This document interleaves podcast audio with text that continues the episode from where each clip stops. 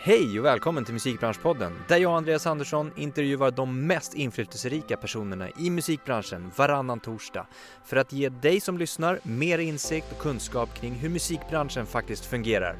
I dagens avsnitt får jag besök av Jessica Brandt som är Director of A&R på Universal Music Publishing.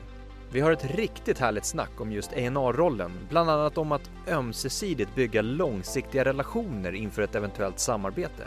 Och även om vissa moment som har varit avgörande i Jessicas karriär, hennes val och hennes tänk. En återkommande tanke under samtalet är även att under tiden man jobbar med någonting fråga sig varför gör jag det här?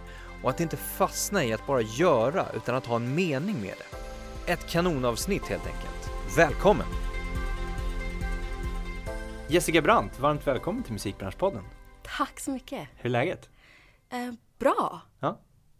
Nytt år, ny kraft. Eller hur? Jag tänkte faktiskt inleda med det. Nytt Mm. år, nya möjligheter. Ja. Är du en sån person som ser det lite så? Jag, jag tror att man har en förhoppning om att det ska vara så eh, i det nya året. Att man ska mm, ha hunnit städa undan allting under, under dagarna innan jul och att man börjar liksom på någon slags clean slate. Mm. Och, och så är det ju inte. Nej. Utan jag håller ju på med exakt samma saker som jag gjorde i december. Plus mer. Precis. Ja, så det är ju ett pågående arbete hela tiden. Ja. Det är därför tiden går så himla fort och man aldrig blir uttråkad. Du har ju en eh, tioårig bakgrund på Universal Music Publishing. Mm. Kan du inte berätta lite om den resan? Stycka upp den på något sätt. Absolut. Ehm, jag visste nog ganska tidigt i mitt liv att jag ville jobba i musikbranschen utan att egentligen ha någon anknytning. Mer än att man är, eller jag är en, eh, ett barn av MTV-generationen kan Mm. man säga. Det var ju min stora passion och besatthet. Så jag menar, jag eh, tog väl ganska tidigt i livet ett beslut om att, för jag har ju tävlat, haft hästar och, och det var ju det jag gjorde varje helg. Två hästar och liksom upp och ner i Sverige. Hoppning och dressyr. Eh, det var ju mitt liv. Eh, så att jag bestämde, när skolan var slut så var det ganska tydligt för mig att nu kommer jag behöva ta ett beslut om det här är någonting jag ska ta över från mina föräldrar och eh, driva vidare. Och eh, det var inte min största passion i livet. Utan det var verkligen musik och populärkultur Mm. på en helt annan nivå. Så där eh, eh, gjorde jag som många andra, man kanske inte har helt bestämt sig för vad man vill bli. Men jag åkte till USA en liten sväng. Eh, jag var i Berlin en sväng. Jag jobbade på café, jag jobbade som ridlärare, jag jobbade på klädbutik. Jag gjorde lite olika saker i typ två år efter gymnasiet. Ehm, var jättesäker på att jag inte skulle plugga vidare. Och sen kom jag in på en dubbstudio. Där mitt jobb blev att ta emot skådespelare som skulle komma in och göra svenska röster på Disney för Disney-karaktärer. Mhm. Eh, så det gjorde jag i tre år. Jag eh, började i receptionen och några månader senare så, så satt jag helt enkelt och eh, bokade de här skådisarna. Och fick eh, lära mig handskas med deras olika personligheter och önskemål och förhandla deras arvoden. Och lära mig jättemycket om castingbiten också. Att hitta den här rösten Mm. eh, för karaktären. Eh, så så att jag, jag lärde känna jättemycket människor där och eh, en dag fick jag en ny kollega som tipsade mig om branschtidningen musikindustrin.se och en annons som de hade lagt ut som var vd assistent slash creative assistent på Universal Music Publishing. Och hon hade jobbat på skivbolag innan så jag frågade vad är, vad är publishing? Så här, jag, jag vet inte riktigt. Alltså de, de jobbar med låtskrivare tror jag. Och hon hade ändå jobbat på skivbolag. Ja. ja. Så jag sa okej, ja, men jag skriver ihop ett brev. Jag sa, så, känner du någon där? Nej, alltså jag har ju träffat, träffat Jonas Wikström någon gång men jag kan inte säga att jag känner honom. Så, här, Nej, men okej. så jag skrev ihop ett, ett väldigt ambitiöst brev och på något mirakulöst sätt så ville de träffa mig där i alla fall. Okej. Så det var första gången eh, jag satte min fot på Universal Publishing. Och Mm. det är snart 11 år sedan. Wow. Lyfter du fram liksom eh, MTV-beroendet som du nästan har haft? Jag tror att det framgick att Ja. jag var väldigt eh, intresserad av musik och Mm. att jag var väldigt eh, ambitiös. Och jag tror också jag vet att Martin eh, Ingeström och även hans fru sa det, eller hon hade sagt det till honom att så här, ja, men anställ en hästtjej, de är inte rädda för att jobba. Så att jag tror eh, de kände det också. De är beredda att mocka skit. Hon har mockat skit till 40 hästar i liksom hela sitt liv. Ja. Vad är ditt mål med att jobba med musik? Varför jobbar du med musik till exempel?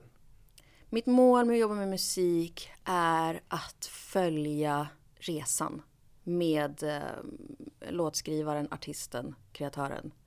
Att se och identifiera en talang, att hitta en slags gemensam vision och följa den utvecklingen, möjliggöra den utvecklingen och eh, sakta men säkert nå både delmål och slutmål har man ju sällan riktigt.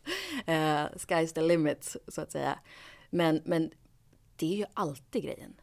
Det är, det är därför tio år har gått så himla fort för att det är olika med alla personer hur den resan ser ut. Och det är det jag brinner för. Mm. Det är därför jag jobbar med musik. Mm. Hur många klienter eller talanger jobbar du med? Det är så himla olika också. De flesta som jag har eh, tagit mig an är mm, väldigt produktiva hela tiden. I vissa fall så är det kanske att man jobbar med en artist som är, också är writer, men bara gör sitt projekt och släpper en skiva varannat år. Mm. Det är ett typ av arbete. I andra fall så jobbar man med en producent eller en låtskrivare som kanske fem dagar i veckan sitter i, i, i sessions med andra låtskrivare eller artister. Eh, och det är ett annat typ av jobb med det. Eh, men jag eh, har ju lärt mig och fattat efter ett par år eh, att det blir bäst om man jobbar med mer omfattande, med färre i förlagssammanhang. För min del så, så tar det oftast ganska lång tid att göra en signing. Mm. För jag vill bygga den relationen. Jag vill känna att det förtroendet finns innan man skriver på avtalet. Det är då man sällan kommer till en situation där man är oense om riktning eller oense om sound. För man vet redan. Man har redan gjort dem. Eh, man har redan fått de erfarenheterna. Man har redan varit i de situationerna. Mm. Så att det tar, och det är också en anledning till varför man kanske inte jobbar med så många. Det tar lång tid. För det handlar lika mycket om att jag ska vara trygg i att jag kan tillföra någonting, att jag kan göra ett bra jobb, att jag tror att den här personen vill det här lite mer än alla andra. Mm. Allt sånt behöver jag känna är på plats Mm. innan man går vidare och gör en deal. Vad är det längsta? För dealen, det, det, det är jättemånga som kan göra. Ja, Alltså money talks och så vidare. Eh, men, men det känns också ganska kortsiktigt. mm. För jobbet börjar ju verkligen när, när dealen är på pappret. Mm. Och då ska det ju man antagligen och förhoppningsvis jobba i jättemånga år. Jag tänker på den här processen, lära Mm. känna processen, om vi kallar den för det, Ja. inför en signing. Vad är, vad är den vanligaste frågan du får från sådana låtskrivare inför liksom så här? De vill ju försäkra sig om att jag kan möjliggöra Mm. vissa grejer som, som behövs för att eh, skapa en karriär. Så det är ofta att man behöver lära känna varandra, att de känner att jag först och främst har förståelse för det de gör. Att jag har eh, förståelse och eh, delar deras vision och dröm. Och att jag faktiskt också har möjligheten att sätta dem i bra rum med andra människor där man har en, en känsla och idé om att de här människorna tillsammans antagligen kan skapa det som behövs för att nå de här målen. Och vilken är den vanligaste frågan du ställer i den processen då till låtskrivaren? För att liksom få lära känna den åt andra Mm. hållet också. Inställning jättemycket. Mm. Och det kanske inte är en konkret rak fråga men det är någonting jag är väldigt uppmärksam på. För eh, tillbaka till det vi pratade om med talang. Det är liksom en, en såklart jättestor del när jag bestämmer mig för att jag vill jobba med någon. Men det andra är driv. Den där, den där ja, som man pratar om ibland, glöden i, Mm. i ögonen. Finns inte den så det blir svårt. Mm. Det, Det går inte är, att jobba fram den. Det går Nej. liksom inte att dra ut den nej, från alltså din sida. mycket hellre att jag, att jag ska att jag behöver bromsa någon Ja. än piska någon helt Mm. enkelt. Eh, så det är någonting jag är väldigt mån om att ta reda på. Hur mycket vill du det här? Om vi går in lite mer på bara så här musikbranschen som generellt Mm. och vissa frågor där. Eh, hur anser du att musikbranschen mår idag? Stressad?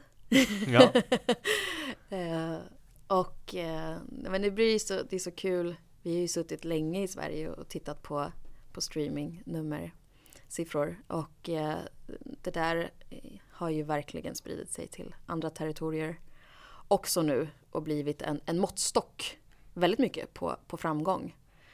Eh, och det är väl det man vill liksom alltid ha så här, upp med ett varningens finger för vad är framgång?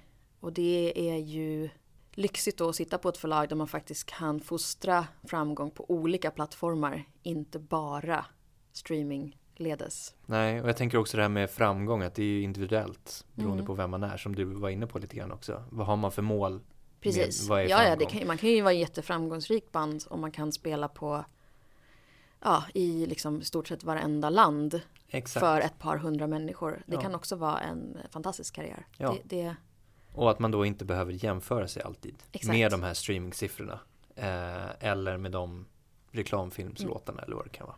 och det får man bara påminna sig om i, Mm. de, i dessa tider. För det är väldigt mycket fokus på, på streaming. Och det kan vara otroligt eh, knäckande och stressande. Så, så utgå från vad framgång och möjligheter är för varje eh, specifik individ tror jag är viktigt. Det är ju lite över ett år sedan efter metoo, Mm. om vi kallar det för det. Eh, och hur anser du att arbetet nu efter på bolagen har förbättrats eller utvecklats? Ja, wow, vilken grej. Det är fortfarande så att man får typ rysningar när man tänker på hela rörelsen. Eh, jag anser att det finns en medvetenhet och absolut inte bara på, på chefsnivå utan jag anser att det finns hela tiden ett pågående samtal kollegor emellan, artister emellan där jag tror att det är väldigt svårt nu jämförelsevis då innan metoo att, att komma undan med den där skiten. Det finns ju också många grymma initiativ, till exempel eh, kvinnliga producentnätverk och sånt där som Mm. gynnar kvinnor och tjejer. Men jag tänker också att det blir viktigt längre fram ehm, när de här blir mer etablerade till exempel att fortfarande behålla stödet på något sätt eller att fortfarande behålla jämställdhetsfrågan. Hur kan man liksom jobba med mer etablerade akter och artister också inom samma delar? Gör man det i ett sammanhang där det finns andra kvinnliga förebilder och kollegor så blir det ju inte omöjligt. Det blir ju inte läskigt. Det blir ju inte svårt. Det blir bara någonting du gör. Precis som män har bara har gjort i så många år. För jag känner ju lite likadant. När jag började på Universal Publishing så fanns det väldigt få kvinnliga förebilder inom A&R. Nu är det jättemånga fler och om några år så kommer ju det inte ens vara samma känsla av att oj, fuck, jag kanske måste vara dubbelt så bra för att jag ska bli respekterad. Och jag kanske måste skrika ut en titel när jag kommer in i ett rum innan folk börjar anta att jag är här för att servera kaffe.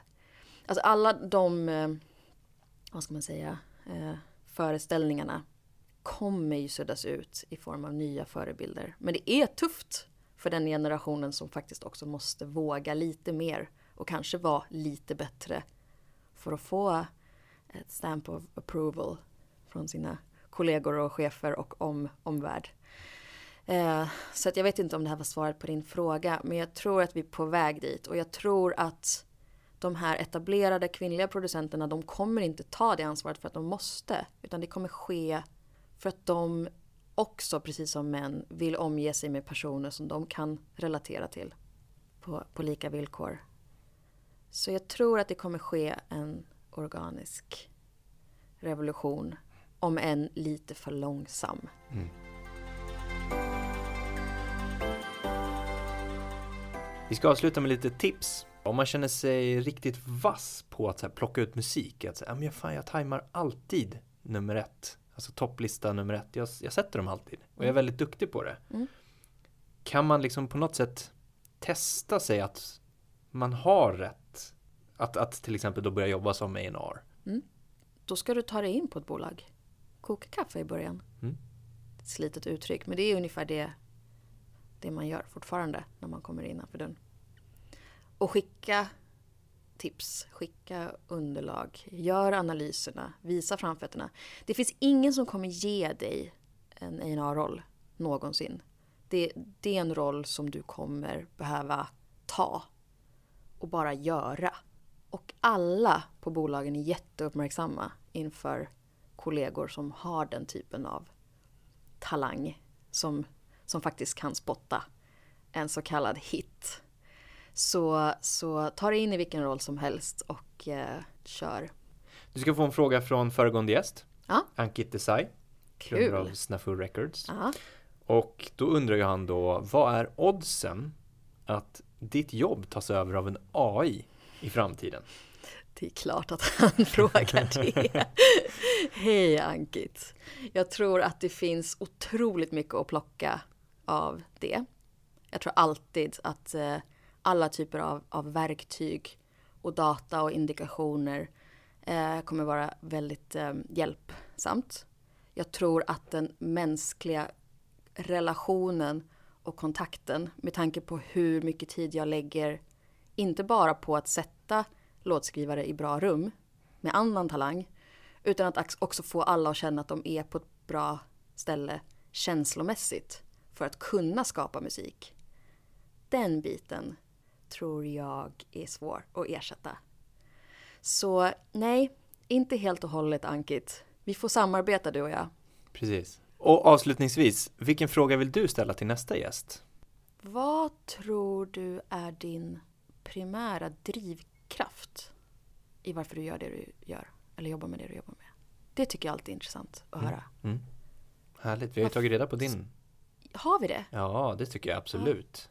För den tycker jag är, är, är ibland svårt att sätta fingret på med sig själv. Det är så här, Ja. Vad är det jag ska uppnå? Fan håller jag, varför springer jag?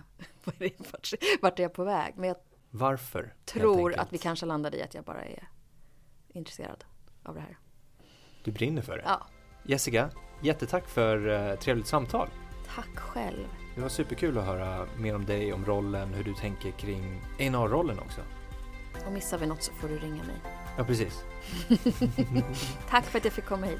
Tack.